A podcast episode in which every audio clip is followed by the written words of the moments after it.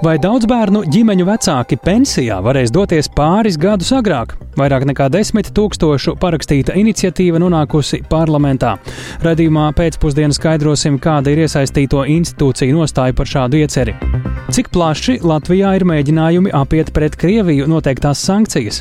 Kā tos atpazīt un novērst, šodien situāciju apsprieda Saimnes komisijā. Ņemot vērā to, ka Latvija ir tieša robeža valsts ar Baltkrieviju un Krieviju, mums jābūt vēl nu, saka, uzmanīgākiem un vēl gatavākiem dažādiem potenciāliem izaicinājumiem. Pasaules čempionāta hokeja pirmās spēles jau pēc pāris dienām, kāpēc pat uz dažu Latvijas izlases spēli nav pārdotas visas biļetes.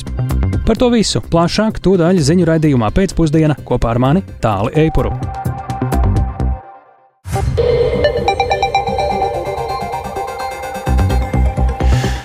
Pūkstens rāda 16,5 minūtes, skan pēcpusdienas ziņu programma skaidrojot šodienas svarīgus notikumus. Studijā Tālis Eipors. Labdien! Vai Latvijā pietiekami kontrolējam pret Krieviju noteikto sankciju apiešanu? Kā sankciju apiešanā ir iesaistīti Latvijā esošie Krievijas un Baltkrievijas pilsoņi, un vai būtu jāuzlabo tā saucamo humāno vīzu un uzturēšanās atļauju izsniegšanas kārtība? Atbildes uz šiem jautājumiem pastiprināti pētījusi nevalstiskā organizācija Krievu pilsoniskās sabiedrības veicināšanas un Krievu emigrantu atbalsta asociācija. Tikmēr ārlietu ministrija esošo regulējumu raksturo kā pietiekamu par Krievijai noteikto sankciju apiešanu šodien sprieda arī Saimas komisijā. Vairāk Jāņa Kīņša sagatavotajā ierakstā. Krievu pilsoniskās sabiedrības veicināšanas un Krievu emigrantu atbalsta asociāciju vada no Krievijas aizbēgušais pētnieks Dmitrijs Savins. Viņa veiktajam izvērtējumam slēgtā sēdē pievērsās arī Saimas ārlietu komisija. Savins uzsvērs, ka, lai padarītu Latvijas sankciju politiku efektīvāku, nepieciešams precizēt sankciju mērķētās institūcijas un personu grupas. Tām būtu jāpakļauj arī tās iestādes un personas, kas saistītas ar Kremļa politiku jau pirms 2014. gada, tajā skaitā vēl vēlēšanu viltošanu, protestu apspiešanu, kara darbību pret Gruziju 2008. gadā. Vienlaikus Latvijai papildu resursu jāvelta no Krievijas un Baltkrievijas bēgošo disidentu un citu cilvēku iespējām apmesties Latvijā. Savins arī uzskata, ka Latvijā aizvien darbojas prokremlisks tīkls. Latvijā uz uh, pirmā līnija pret Putina režīmu. Ja? Un, uh, mūsuprāt, Latvijā diemžēl ir reāls prokremlisks aģentūras tīkls, vajadzēs uh, sistemātiski uh, strādāt ne tikai uh, par atbalstu disidentam, bet pret šiem tīkliem. Eiropas Savienības valstis uz Krievijas iebrukumu Ukrainā reaģējušas ar jau desmit sankciju kārtām Krievijas uzņēmumiem, bankām, precēm, nozarēm un personām. Par atbalstu Krievijai sankcijas piemērots arī Baltkrievijai. Nenoliedzot, ka sankcijas nevienmēr sasniedz mērķi, ārlietu ministrijas parlamentārā sekretāra Gunda Rēra pēc komisijas sēdes atzīmēja, ka ar sankcijām vien Krievijas imperiāliskās tieksmes neuzveikt. Lai gan sankciju iedarbība ir lēnāka nekā gribētos, tās ir ar acīm redzamām sekām. Galvenais izaicinājums Risinājums ir veicināt Eiropas valstu kopīgu pieeju, gatavojot jau 11. sankciju kārtu. Būtiskāks izaicinājums ir, protams, visā Eiropas Savienības līmenī vienveidīga sankciju ieviešana. Plus, eh, protams, ja mēs runājam par sankciju apiešanas eh, riskiem, ko mēs esam identificējuši kā iespējamu risku, ir tātad tirniecības apjomu strauji pieaugums ar Centrālā Azijas, aizkaukāza valstīm. Tam var būt arī atsevišķos gadījumos objektīvs iemesls. Asociācija pētījumā arī vērtējusi, ka konsulārajām iestādēm, ārlietu un iekšlietu resoru iestādēm jāpilnveido procedūras bēgļu status piešķiršanai Latvijā ar skaidrākiem noteikumiem. Ārlietu ministrijas pārstāv gan uzsver, ka šie noteikumi un kārtība ir pavisam skaidri. Kopš 2022. gada februāra humānā vīza izsniegta 481 Krievijas pilsonim, bet kopš 2020. gada augusta 358 Baltkrievijas pilsoņiem, kuri bijuši režīma pretinieki un pakļauti spaidu draudiem. Humāna apsvērums aptvērumi tātad ir piemērojami vēlreiz izņēmuma gadījumos, tostarp apdraudējums personas drošībai, dzīvībai, fiziskas sāpes, vajāšana. Tie ir šie pamata kritēriji.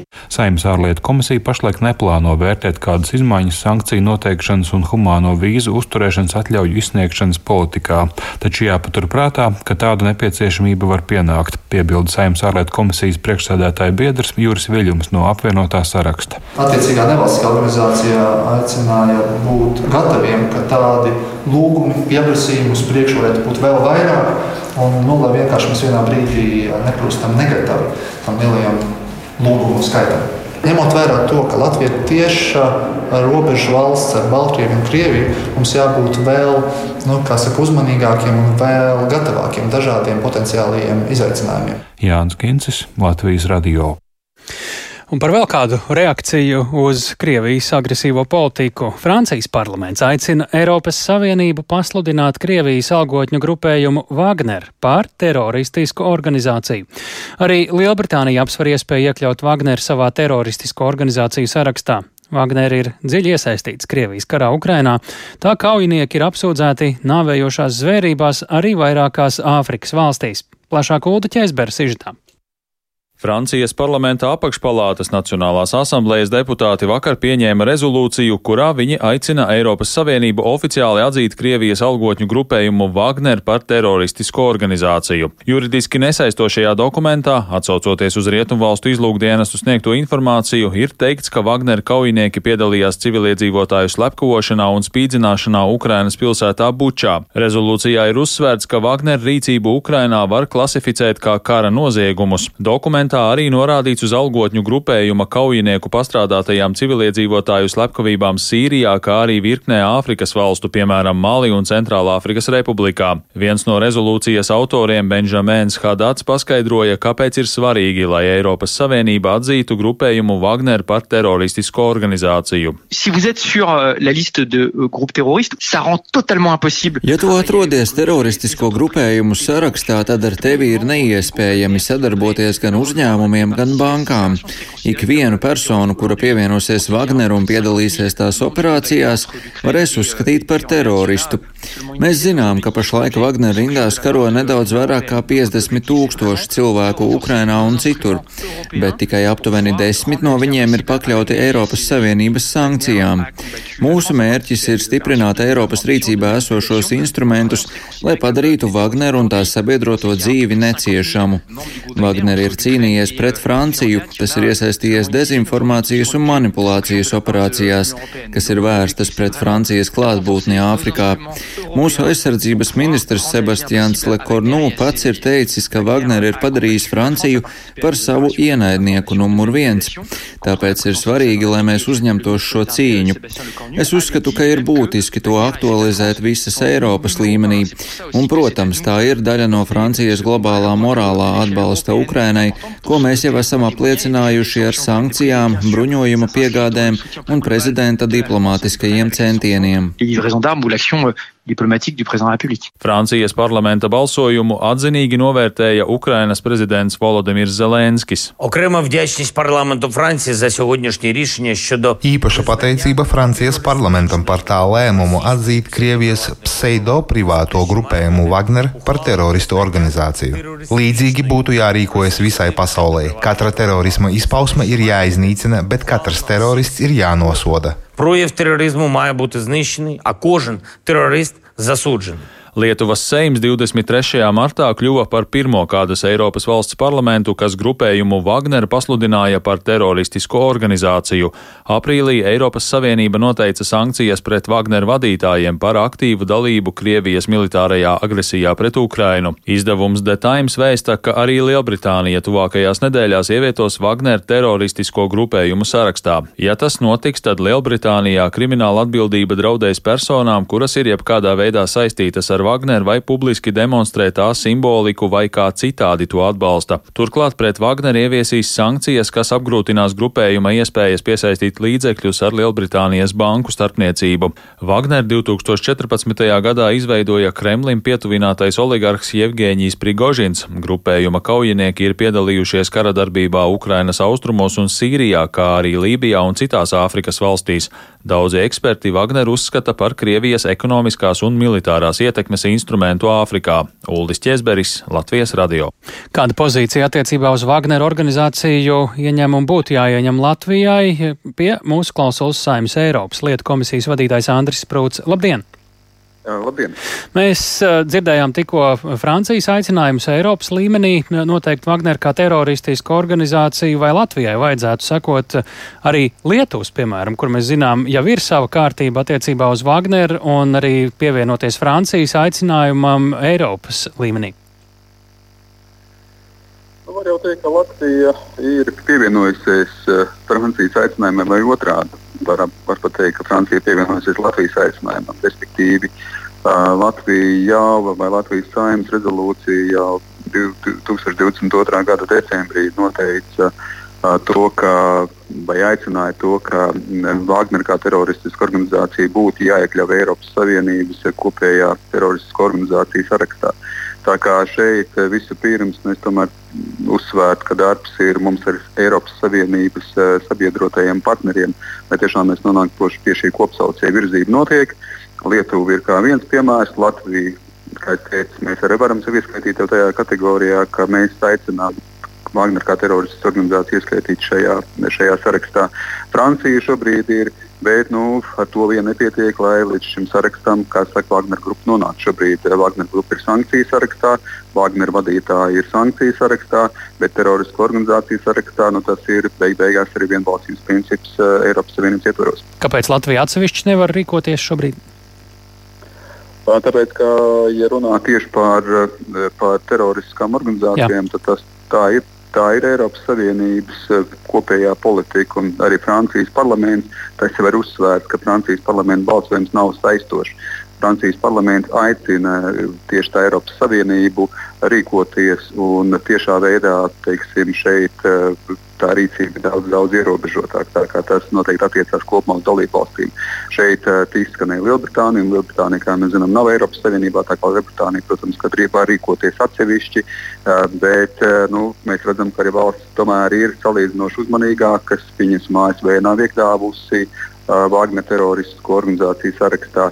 Tas neizriet šajā gadījumā pat tik daudz no Wagner darbības Ukrajinā. Pilnīgi skaidrs, ka šeit ir teroristiska darbība, to, ko mēs esam redzējuši Bučā, Irpiņā, krimināla kara noziegumu, noziegumu pret, pret, pret cilvēci. Nu, tur, es domāju, tas skaits tiešām būtu Labi. uz, uzskaitāms un skaidrs, ka tā ir teroristiska organizācija. Bet, uh, arī reāla politika kaut kur spēlē lielo valstu teiksim, tā, nostājās, jo, piemēram, ASV ir uzmanīga tieši Āfrikas kontekstā, jo Wagner ir sadarbojās ar uh, valdībām cīnoties. Cīnotos, cīnoties pret islāma organizācijām vai islamistiskajām organizācijām, un respektīvi šeit, protams, arī zināmā veidā piesardzība, ko tas nozīmē. Tas nozīmē, ka šeit viss konteksts būtu jāpārtrauc. Jā. Ko praksē tas nozīmētu, ja viņus atzītu par teroristisku organizāciju? Tur jābūt pietiekami precīzai datubāzei, kontrolei? Uh, tas nozīmē faktiski viens politisks vienošanos par to, ka ir šī gatavība uh, līdz šim arī kopumā nonākt. Tā, tā ir pirmā, pirmā, pirmais prakses pārbaudījums, ja tā var teikt. Protams, nākošais ir tāda konkrēta uz konkrētiem cilvēkiem, tieši tā, kas ir šajā organizācijā iesaistīti. Nu, viņi faktiski visi tiek definēti par, par teroristiem. Nav tikai kaut kāda atsevišķi sankciju sarakstā iekļaujamie cilvēki, bet tad jau mēs runājam būtībā par šī teroristiskā organizācija, kurā arī tās biedri ir teroristi. Faktiski tad pret viņiem ir vēršanās jau starptautiskā līmenī. Un būtībā nu, viņi būtu arī jebkurā vietā, jeb, jebkuriem nosacījumiem, faktiski arī pret viņiem jātiecās kā pret teroristiem. Pavisam īsi, kā jūs kopumā raugāties uz Wagneru un tā, kā izskatās ar vien pieaugušo lomu Krievijā? Jā, domāju, ka Wagner, Wagner, Wagner loma ir pieauguša. Tas jau, kas izskanēja no prezidenta Zelenska puses, ka tā ir pseido privāta organizācija, ir pilnīgi skaidrs, ka tā ir Krievijas Kremļa uh, ietekmes instruments. Faktiski arī nu, šeit atkal Latvija ir atzinusi Krieviju par teroristisku valstu. Būtībā skaidrs, ka Wagner ir kā teroristiska organizācija, šī teroristiskā režīma arī ietekmes uh, turpinātājs. Tā kā jā, vienlaikus gan arī jāsaka, ka Wagner aktivitātes un viss šis Wagner fenomens parāda to, ka arī Krievijā nu, tie buldogi, ja kaut čeču vārdiem runājot, zem tā mm, paklāja cīnās. Tur nepavisam neiet viegli, ja šie absolūtie cīņas eh, par vāru un par publicitāti, teiksim, tāda at atklāta redzamība tam visam, to, ko mēs redzam izteikumos. Tas parāda, ka arī, protams, pašā Krievijā ir, uh, ir pietiekoši daudzi nesaskaņas. Bet es domāju, ka šīm nesaskaņām nu, ir Pirmkārt, nevajag pārāk daudz saka, sacerēties, ir jārīkojas. Jā, ir vispirms jādod atbalsts Ukrainai. bet tajā pašā laikā, protams, kad ir jāpadara dzīve pēc iespējas grūtāk arī Wagner grupai. Tāpēc skaidrs, ka Latvijai jāturpina aicināt, lai Wagner grupa tiktu iekļauta Eiropas Savienības teroristisko organizāciju sarakstā. Paldies! Sarunājāmies ar saimas deputātu Eiropas lietu komisijas vadītāju Andri Sprūdu. Bīstamās putnu gripas dēļ Daugaupils pusē beigto putnu daudzums jau skaitāms tūkstošos, un kāpēc uz pasaules hokeja čempionāta spēlēm ir tik daudz neizpārdotu biļešu, tā skaitā pat uz Latvijas izlases spēlēm, šie un citi temati raidījumi pēc pusdiena turpinājumā.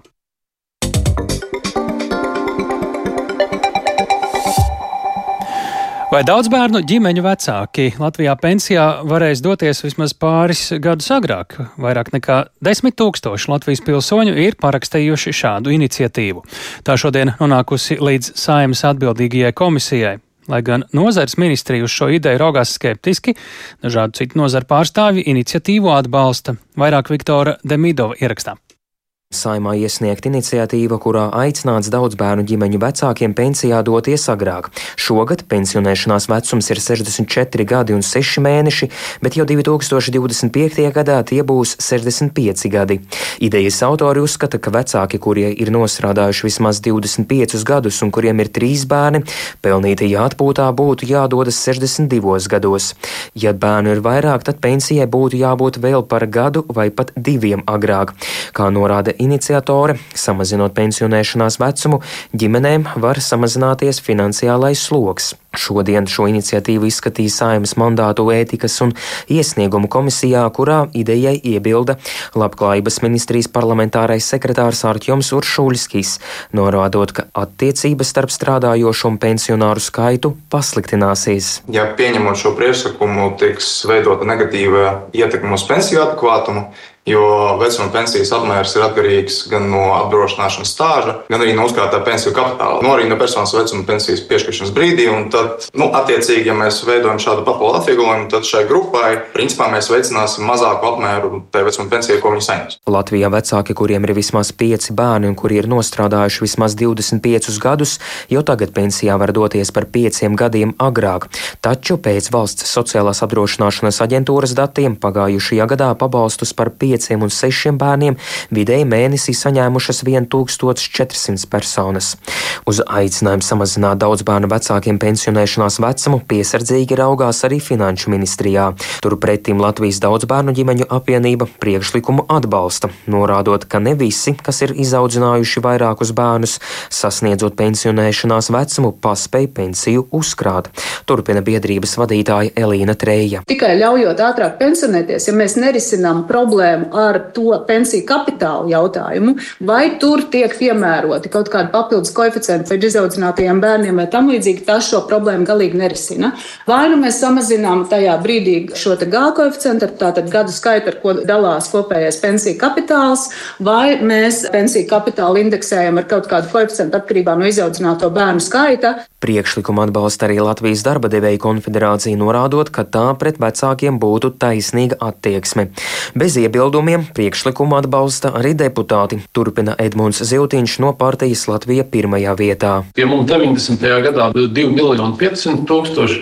Tad 2100. gadā jau ir tikai 500 tūkstoši iedzīvotāji. Ja mēs turpināsim tādā garā, kā šobrīd ir, un tā attieksme pret ģimenēm turpināsies tādā pat mērā, un Šeit es tiešām gribētu vēlreiz teikt paldies un norādīt uz šo sociālo netaisnību. Ideju atbalstot, deputāti jautājumu nodevuši izskatīšanai Sociālo un darba lietu komisijai un valdībai.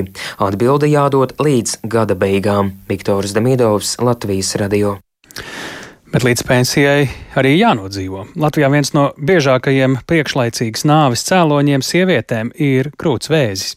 Tas katru gadu skar vairāk nekā tūkstošu sieviešu. Lai to atklātu pēc iespējas agrīnākā un līdz ar to arī ārstējamākā stadijā, jau 14 gadus Latvijā pieejams valsts apmaksātas profilaktiskās pārbaudes taču uz tām dodas ļoti maz sieviešu, mazāk nekā trešā daļa. Ar šodien sāktu īpašu kampaņu cer panākt lielāku atsaucību. Bet kādi ir iemesli sieviešu pasivitātei? Zāne Seniņas ieraksts. Sievietes neiet uz mamogrāfiju, jo paradušas apmeklēt ārstu tikai tad, ja ir patiešām slikti. Citas nevēlas traucēt speciālistus, vēl citas to nedara tāpēc, ka gaida atkārtotu uzaicinājumu. Tie ir tikai daži no iemesliem, kāpēc tik daudzas neizmanto valsts sniegto iespēju bez maksas pārbaudīt krūtis.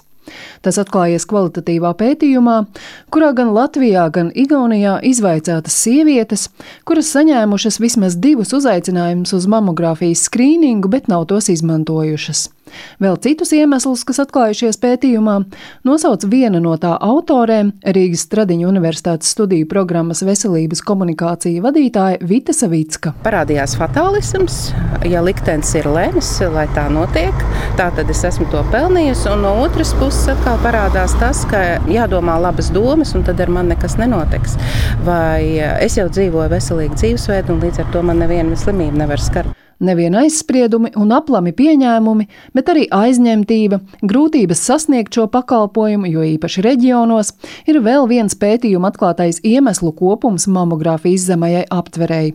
Secinājumi - jāmeklē jauni risinājumi, kā sasniegt sievietes. Vienu šādu iespēju nosauc Onkoloģisko pacientu atbalsta biedrības dzīvības koks valdes priekšsēdētāja Gunita Berķe. Piemēram, tika rasts risinājums, ka tieši skrīninga aktivitāte šajā gadījumā, ja mēs runājam par krūts vēža skrīningu, par mamogrāfijas skrīningu, ka tas tiek piedāvāts ārpus darba laika. Līdz ar to sieviete nezaudē šo iespēju strādāt. Vēl citi varianti - rast iespēju, lai ģimenes ārsti vai ginekologi atkal un atkal atgādinātu savām pacientēm par mamogrāfiju, iespēju laikus atklāt ļaundabīgu veidojumu, kas savukārt nozīmē izredzes sekmīgāk ārstēties.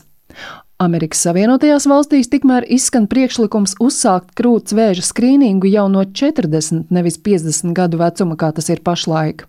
Vai ko tādu būtu vērts ieviest arī pie mums, spriež Saimas onkoloģijas atbalsta grupas vadītāja, deputāte no jaunās vienotības un ginekoloģe Ingrīda Circene. Es domāju, ka ņemot vērā, ka pat no 50 gadiem mēs netiekam diži pāri pa to trešo daļu, kas, protams, ir ļoti skumji, jo šī gadījumā valsts visu apmaksā. Un, eh, ja mēs eh, paplašinām programmu un nevaram viņu izpildīt, varbūt sāksim ar to, ka izpildīsim simtprocentīgi to, kas jau ir. Pašlaik Latvijā uzaicinājumu uz krūts vēža skrīningu katru otro gadu saņem sievietes vecumā no 50 līdz 69 gadiem. Kā liecina informācija vietnē rindā pie ārsta LV, rindu garums uz mamogrāfiju dažādās veselības aprūpas iestādēs, dažādās Latvijas vietās, visbiežāk ir piecas dienas. Zana Eniņa, Latvijas radio. Bīstamas slimības eh, Latvijā apdraud ne tikai cilvēkus. Latgalē arvien plašāk turpina izplatīties īpaši bīstamā un lipīgā putnu gripa. Jau 4. mājā Daugavpils esplanādē un citviet pilsētā tika savākti un utilizēti pustūkstotis ar putnu gripu inficētu beigtu putnu. Nedaudz vēlāk tika saņemta informācija par to, ka arī Krāslavā, Daugavā uz salas konstatēta ķīru masveida bojāja. Laboratoriskās pārbaudas vēl turpinās, taču pārtikas un veterinārijā dienestā uzskata, ka visdrīzāk arī Krāslavā putnu bojājā ir vainojama tieši putnu gripa. Tikmēr Daugopils pusē beigto ķīru daudzums nu jau skaitāms tūkstošos, bet Krāslavā putnu gripas upuru skaits pārsniedzis divus simtus. Ivētas Čigāns ieraksts. Patogēnā putnu gripa tieši ķīru kolonijās Latgalē turpina izplatīties. Sākumā lielo ķīru bojā eja tika konstatēta Daugopils esplanādes dīķos, tad arī Krāslavā Daugavā uz salas. Kā uzsver ornitologs Gaidis Grandāns, ir apsekotas lielākās ķīru kolonijas Latgalē un arī Latvijā, un atklāts, ka vismaz pagaidām citviet lielo ķīru kolonijās masveida putnu bojā eja nav novērota. Latgalē tādu lielu koloniju nemaz nav tik daudz. Lubāna ezera apkārtnē un uh, Ragļu zilja dīķu kompleksa teritorijā regulāri ir uh, lielo ķīru kolonijas, viņas gan nav pastāvīgas. Liela kolonija ir uh, Raģa ūdenskrātuvē Jēkabpilī, tā ir jaukta kolonija kopā ar citu sugu kājām, ar kajakiem, upes zīriņiem. Tur pagaidām šāda paaugstināta mirstība nav novērota. Ornitologs uzsver, lai arī putnu gripa ir nopietni skārusi Latvijā aizsargājamo lielo ķīru populāciju, šo putnu sugai izmiršana nedraud. Lielais ķīris Latvijā īpaši aizsargājama suga un pēdējās desmitgadēs gan Latvijā, gan Eiropas kontekstā suga samazinās, Es neesmu speciālists par putnu slimībām, bet, teiksim, cik no ārzemju literatūras un pētījumu datiem esmu paskatījies, tad, teiksim, tā pilnīga izmiršana nedraud. Tie ir varbūt ap 30% no kolonijas var tikt uh, letāli skarti. Pagaidām putnu gripa plosās divās lielo ķīru kolonijās - Krāslavā un Daugopils apkārtnē. Tā kā šī infekcijas slimība var būt bīstama ne tikai savvaļas putniem un mājputniem, bet arī cilvēkiem, pārtikas veterinārā dienesta Dienvidlatgales reģiona pārvaldes vadītājs Dzintars Juškus iesaka iedzīvotājiem rīkoties apdomīgi un neaiztikt slimos vai beigtos putnus. Netuvoties šiem beigtajiem dzīvniekiem, neaiztikt viņus, nekādā gadījumā nenest uz mājām vai uz kaut kādām, ja viņi vēl ir dzīvi, nenest uz veterinārām klīnikām vai kaut kādām patversmēm. Ja ir noticis kaut kāds kontakts, ievērot higienas pasākumus, tas ir mazgāt rokas, dezinficēt rokas, ja ir iespēja. Un iedzīvotājiem, kuriem ir mājputni, turpināt ievērot biodrošības noteikumus un par visiem gadījumiem, kad ir novērotas kaut kādas saslimšanas gan savvaļas putniem, gan mājas putniem ziņot, vai nu vetārstam, vai nu pārtiks veterināram dienestam. Par putnu gripas izplatību liecina arī aizvien lielāks beigto putnu skaits. Daugopils pusē laika posmā no 4. maija ir utilizēti jau ap tūkstoti beigtu lielo ķīru, Krāslavā ap 200 putnu. Taču, kā uzsver speciālisti, tā ir tikai aizberga redzamā daļa, jo vismaz 30% beigto putnu netiek atrasti. Jāpiezīmē, ka arī citviet Eiropas valstīs tieši ķīru kolonijās tika konstatēts patogēnais putnu gripas vīruss. Visdrīzāk, ka kopā ar gaiputniem tas atceļojas arī uz Latviju. Iveta Čigāne, Latvijas radio studija Latgalē. Viena no iecienītākajām putnu pulcēšanās vietām ir arī atkritumu konteineri. Rīgā atklāts pirmais pazemes atkritumu konteineru laukums pie daudz dzīvokļu namiem. Iedzīvotāji tur var šķirot sadzīves atkritumus, iepakojumu, stiklu, Pazemes atkritumu konteineri gan Latvijā nav jaunums. Tādi jau vairāk nekā desmit gadus ir vidzemes reģionā. Rīgā šogad apšot ap simt līdzīgu laukumu, un iedzīvotājiem esot eh, liela interese par atkritumu laukumu labiekārtošanu. Tikmēr Rīgas nama pārvaldnieks secina, ka izaicinājums šādu projektu īstenošanā ir dalīta nekustamā īpašuma gadījumos. Klausāmies Sintīs Ambotas ierakstu. Agenskalnā Melnsilielas namu ielokā pazemē divu metru dziļumā iebūvēti atkritumu konteineri. To tilpums ir pieci kubi, kurus aizpildot atkritumu apsaimniekotājs tvērtni izceļ ar īpašu tehniku. Rīgā pērn šādas pazemes atkritumu konteineris izveidots centrāla tirgū, bet tagad pirmo reizi tieši pie daudz dzīvokļu namiem, kur iedzīvotāju domas par jaunās infrastruktūras ērtumu gan dalās. Šķiet ērts risinājums vai neērts risinājums? Ar mikrobiem nodarboties. Kādiem mikrobiem? Nu, kā vāku jāpaceļ, tu atnāc ar šādām Jā. rokām. Kā jums bija iepriekš? Nu, Kāds kā, jums nu, lauk- iepriekš bija konteineri, kur attaisīts vāks, un tu vienkārši saliec. Ja agrāk bija četru veidu konteineri, tagad ir trīs veidi. Stikls, iepakojums un pārējie atkritumi. Un bioloģija atsevišķi nav. Nu, toreiz bija, nu, tagad nav. Было много крыс здесь, очень бегало. Когда вот все убирали, очень много крыс было. Iepriekš šeit bija ļoti daudz žurku, bet tad novāca visus tos konteinerus un ceru, ka to žurku vairs nebūs. Tagad nav arī smakas un tie konteineri ir ērti. Es esmu apmierināta. Tāpat šeit vienmēr bija bezpajumtnieki iepriekš. Es domāju, šis ir iegūms rajonam. Очень для района это очень хорошо. Pazemes atkritumu konteineri vidzemes reģionā gan pieejami jau vairāk nekā desmit gadus. Atkrituma apsaimniekotājs Zao kopumā līdz šim izveidojis ap 50 laukumus Valmierā, Cēsīs un citviet. Savukārt atkrituma apsaimniekotāja Klīnera valdes priekšsēdētājs Valērijas Stankevičs lēš, ka jaunā laukuma Rīgā izveidē uzņēmums investējis ap 20 tūkstošus eiro un kopumā šogad plāno izveidot vēl 100 šādus laukumus pilsētā. Pagaidām izvēlētas ap 60 vietas, un apsaimniekotājs aicina namu iedzīvotājus vēl pieteikties projektam. Iepriekšējā laukumā atradās 26 kubīgie konteineri, šobrīd tikai 6. Konteineru tilpumi ir dažādi, jā, viņi ir trīs veidu. Pieckubīgie, ko mēs redzam šeit, ir vislielākie. Šajā gadījumā izvešanas intensitāte nesamazinās, bet konteineru skaits samazinās. Bet ir klienti, kas ir pieteikuši arī lielākus konteinerus mazākā tilpuma vietā, un tādējādi samazinot arī izvešanas biežumu. Bioloģijai šeit ir vieta. Uh, ir iespējams pilnīgi visu atkritumu veidu un frakciju klāsts. Šajā konkrētajā klients uh, mēs vēl esam pārunu stadijā.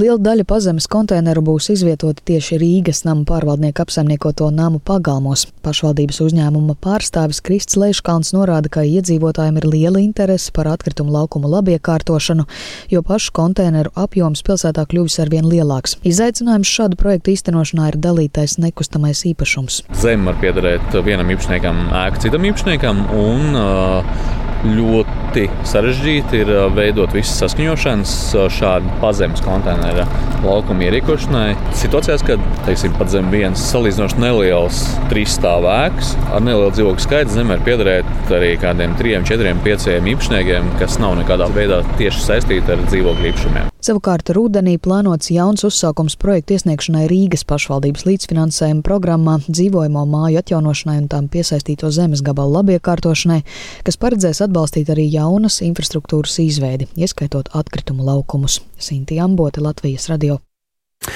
Tas vēl pēc kāda laiciņa, masveidā galvaspilsētā, bet jau piekdien ar pirmajām spēlēm Rīgā sāksies pasaules čempionāts hokejā.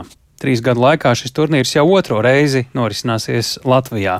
Tieši šoreiz gan kopā ar Somijas pilsētu Tampēru, bet atšķirībā no 21. gadā notikušā čempionāta, kad bija pandēmijas laiks, šoreiz tribīnēs drīkstēs pulcēties skatītāji. Tiesa, pilnas tribīnes solās būt tikai uz Latvijas izlases spēlēm, un pat tad šobrīd izskatās, ka ne visām. Kā rīkotājiem sokas ar biļešu pārdošanu, vai viņu cenu politika nav bijusi kaut kādā veidā kļūdaina? Par to tūdaļ sarunāsimies ar kolēģi Mārtiņu Kļavinieku. Sveiks, Mārtiņ! Sveiks, tāls, sveicināt klausītājiem! Cik uh, biļešu skaita un procentu ziņā tad šobrīd kopumā ir pārdots, un uh, līdz ar to arī droši vien komentārs par to cenu politiku? Jā, nu precīzi, precīzi statistiku rīkotāju pārstāvs Edgars Bunts vakar um, nosauca arī Saimnes sporta apakškomisijas sēdē. 105 tūkstoši biļešu ir pārdots no 240 tūkstošiem, tā kā varam rēķināt mazāk nekā pusi. Bet tas ir nevis Latvijas izlases spēles, tas ir visas spēles, jā. kas notiks Latvijā. Tātad eh, visu astoņu komandu izpildījumā. Nu, un kopumā jā, tā cena amplitūda, ja mēs ņemam visu komandu biļet, spēļu biļetes, tad 9 eiro ir lētākās. Bet nu, tas gan ir uz, piemēram, Kazahstānas, Slovenijas maču, kas nu, iespējams interesē mazāk cilvēku nekā Latvijas un jebkuras citas komandas duels. Tas tā tradicionāli ir bijis, ka komandas, kuras uh, it kā nepretendē uz augstām vietām, nav mainītis, nu, ka tur nāk ļoti maz līdzstējumu. Tas Grūti piepildīt tribīnes, jā, tā ir visur, jā. Tā bija arī pagājušajā gadā Tamperē, tur arī Latvijas izlases eh, maču vairāk ar eh, nosacītiem pastrīšiem bija, nu, pie relatīvi tukšām tribīnēm. Jā. Bet tā cena, jā, nu, ja gribat apmeklēt Latvijas izlases maču, nu, no vismaz 50 eiro jums būs jāšķiras, kā minimums. Nu, un citām tur lielajām izlasēm Nu, cenas jau apmēram vienādas, un Līdzīgi, tās prestižākās cenas vai augstākās ir tieši par Latvijas izlases mačiem. Jā. Jā. Kā ir bijis citos čempionātos? Uh, nu, es, mēs jau te pieminējām, ka uz nemainieku un nelielo komandu spēlēm nevienā čempionātā nav izpārdotas šīs arēnas, bet uh, nu, burtiski tagad sanāk divas dienas pirms čempionāta, trīs dienas, uh, 40% izpārdošana. Tas ir parasti tā, vai nu, laikam tas uh, ir šobrīd diezgan maz izskatās, ka ir izpārdots. Kāda tev sajūta ir? Mēs droši vien jā, nu, čempionāts nepārķēmēsim. Jā, precīzi statistika man nav pieejama, kā tas ir, bet uh, nu, tas noteikti neglaimo pasākumu rīkotājs, jo nu, viņiem vēl ir daudz jāsasniedz un daudz jāpārdod, lai viņi šo čempionātu atpelnītu, jo vislielākā bāze tieši būs biļešu ieņēmumi, uz ko viņi balstās, lai izveidotu kopumā čempion, čempionātu budžetu un nu, atpelnītu tos izdevumus, kas ir uh, šim čempionātam. Bet kā mēs te pēdējos gados sakām, bet ir niansi. niansi tāda, ka Latvijas biļešu pirkšanas tradīcija vispār eh, izskatās, ka ir atšķirīga no tā kāds notiek citur daudz kur pasaulē. Jā, nu, sporta līdzstoties pasaulē parasti diezgan laikus iegādājas biļetes uz pasākumiem, bet Latvijas tomēr to dara relatīvi pēdējā brīdī. Es arī un tieši, dara. Un dara, un ar dara arī šoreiz. Atceramies, cik ilgi nebija izpārdota Latvijas-Kanādas spēle, kas jau parīt, kas atklāšanas cīņa, un nu, tāds ļoti prestižs mačs, jo tomēr pret hokeja dzimteni jāspēlē. Tagad, jā, pilnas tribīnes, biļešu vairs nav, to var pateikt jau kādu laiku, aptuveni nedēļu, bet, piemēram, paskatījos nu, Latvijas-Norvēģijas cīņu 17. maijas, trešdiena, dienas vidus, 16.20 pēcpusdienā. Nu, tur aptuveni 20, 30, varbūt 40% no biļetēm ir pārdotas. Izskatījās, ka vairāk ap 30 tā varētu būt. Nu, tur ļoti daudz biļešu vēl pieejams. Mm -hmm. Droši vien, ka to nevar pateikt pēc uh, arēnas kartes paskatīšanās, cik daudz ir vietējo, cik ir ārzemju biļešu pircēju. Ir kaut kāds priekšstats par to, kas notiek ar ārzemju braucējiem skatīties čempionātu Rīgā, kurš notiek ne tikai Rīgā, jāsaka. Atcerēsimies, ka grupā ir Čehija un Slovākija Latvijai. Tā kā nu, uz tiem arī rīkotāji liek vislielākās cerības un pamatoti. Tās ir hokeja nācijas, bet atcerēsimies pirms tāda īpaša soļa izdarīšanas, nomainot Amerikas Savienotās valstis pret Čehiju pagājušā gada nogalē. Latviešiem nu, solījās grupā būt Amerika, un tur no turienes līdzutēji nebrauc. Nu, vai brauc ļoti, ļoti maz. Tā kā Čehi ir iegūms, un arī pastaigāja par Rīgas centru. Šodien, jā, Čehi, Slovāku valodu dzird ļoti daudz, un arī rīkotāji tādā sanāksmē ar medijiem pirms aptuveni trijām nedēļām sacīja, jā, Čehi Čehi, Slovāki visaktīvākie, mm, pērk biļetes visaktīvāk no ārzemniekiem un arī brauc, solās braukt šeit. Arī šveicieši ir aktīvi, bet viņi vairāk tomēr uh, cierējot uz tām izslēgšanas spēlēm, vairāk nekā grupu kārtu. Mhm. Šveic bija Mūsu, arī mūsu grupā. grupā jā. jā. Nu, tad var, varbūt vēlāk izdzirdēsim kādu no Šveicē lietotajām valodām šeit līdzstēju vidū. Uh, Tīri finansiāli, ko rīkotājiem nozīmētu tāds nu, šobrīd 40% vai vēlāk nedaudz lielāks uh, izpārdevums, es mēģinu jaunu vārdu lietot, vai ieņēmumi no biļetēm šajā gadījumā varētu būt tā kā zināma neveiksme, vai arī tas ir kaut kas tāds, kas jau ir ieplānojams, vai arī pat tas ir labi, ņemot vērā cenas? Nu, tas, ko mēs ar kolēģiem nevienu reizi vien esam uzdevuši šī pasākuma rīkotājiem, rīkojot šādu pasākumu, taču ir zināms biznesa plāns, nu, kāda ir ieņēmuma, kāda prognozēta izdevuma. A, B un C biznesa Jā, plāns. A, B un C biznesa plāns tieši tā.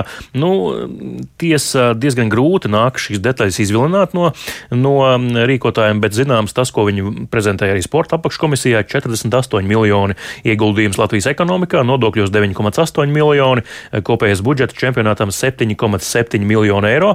Un ar šobrīd pārdotajām biļetēm, nu, ja tas temps tā turpināsies, tad pietrūks beig beigās aptuveni pusotras miljonus eiro. Tātad tad eh, tautas valodā sakot, mīnusā būs 1,5 miljonu eiro. Un no kurienes ņemt šo naudu, to pastāstīja Edgars Buncis eh, Latvijas radio pasākuma finansiālā norise un rezultāts ir lielā mērā atkarīgs no valsts finansējuma pieejamības. Un, ja būs situācija, ka biļešu tirdzniecība neveiksies tik labi, un ja nebūs šī finansējuma no valsts, visdrīzāk tas paliks kā nākotnes teiksim, mūsu parāds, kas būs jāsadz no nākotnes līdzekļiem. Gribētu teikt, naudā uz 1. māju bez valsts atbalsta iztrūkums, lai pasākums būtu par nulēm, ir mērāms aptuveni pusotru miljonu eiro. Kas tad būtu tie, kuri paliek parādā un kam paliktu parādā? Latvijas Hokeja federācija ļoti vienkārši, un no nākamajiem valsts naudas piešķīrumiem tad viņiem šie parādi būtu jāsadz. Tas nozīmē, ka Hokeja federācijai būtu mazāk naudas, hokeja attīstība valstī bremzētos, un tas efekts no pasaules čempionāta, ko gribētu iegūt, lai tas ir hokeja attīstība, primāri, nu, tas noteikti neizdotos. Mm -hmm. nu, jāsaka, tā 60% biļešu vēl ir pieejams, un ļoti iespējams, ka daudzi vēl tikai domā, uz kuru spēli tad beigu beigās iet. Kā tad ir bijis līdz šim ar to valsts atbalstu? Pēdējā laikā mēs no valsts esam dzirdējuši, nu, ja reiz tas viss ir tik vajadzīgs un pieprasīts, nu, kāpēc vēl tur papildus kaut kas būtu jādod? Ja? Jā, arī vakar sporta apakškomisijas sēdē arī deputāti uzdeva šādu jautājumu, kādēļ tad, nu, neizmanto, piemēram, to atlikumu, kas bija aptuveni 800 tūkstoši apmērā no 2021. gada turnīra Tur valsts deva 5 miljonus, pat vairāk kā 5 miljonus, un eh, pārējos sēdes starptautiskā federācija aptuveni 10 miljonu apmērā. Nu, kāpēc neizmanto šo naudu? Par to taisnojās arī rīkotāji. Nu, visu, ko Edgars Buncis pēc tam Latvijas radio komentēja pēc šīs sēdes, ja kaut ko valsts prasīs atpakaļ no tā, kas ir piešķirts, tad mēs to atmaksāsim godprātīgi. Nu, bet, protams, ja būs ko atmaksāt, jautājums, ja nebūs pusotra miljonu iztrūkums. Mums vēl ir mazliet laika, pavisam īsi par to sportisko pusi. Šodien turpinām turpinās eh, vēl pēdējie treniņi Latvijas izlasēji un eh, piekdienu uz ledus, kas kāda mums tāda atlikusī dienas kārtība ir. Šodien eh, pirms stundas aptuveni Rīgā nolādās Rudolfs Balcers, uzbrucējs, tātad viens no pamatspēkiem uzbrukumā. Latvijas izlasēja, jā, rīt vēl viens treniņš Daugavas ledus hallē, treniņu hallē. Šo, šo rīt no rīta bija pirmais treniņš arēnā Rīga uz pasaules čempionāta ledus. Nu, un tad jau piekdien, 12. maijā, pēc astoņiem vakarā, aptuveni ceturksni pēc astoņiem vakarā Latvija Kanāda pirmā spēle. Rena Rīga. Paldies uh, Mārtiņam Kļaviniekam tik tālu par hokeju un tik tālu arī raidījums pēcpusdiena, kuram šodien liekam punktu. Rīt jau atkal pēc ziņām 4 un 5 minūtēs būsim kopā. Šo ziņu raidījumu pēcpusdienu veidoja Tāls Eipurs, Ilze Agīntā, arī Renārs Šteimanis, Iveta Zvejniece. Ja vēlties šo raidījumu noklausīties uh, vēlreiz precīzāk, uh, ja neesat pagūši visu dzirdēt, vai arī gribat padalīties ar to ar kādu citu, meklējiet Latvijas radio mobilajā lietot lietotnē dienas ziņas. Tur tad arī par visu svarīgāko arī raidījums pēcpusdienā. Mēs tiekamies rīt. Visu labu! Yeah.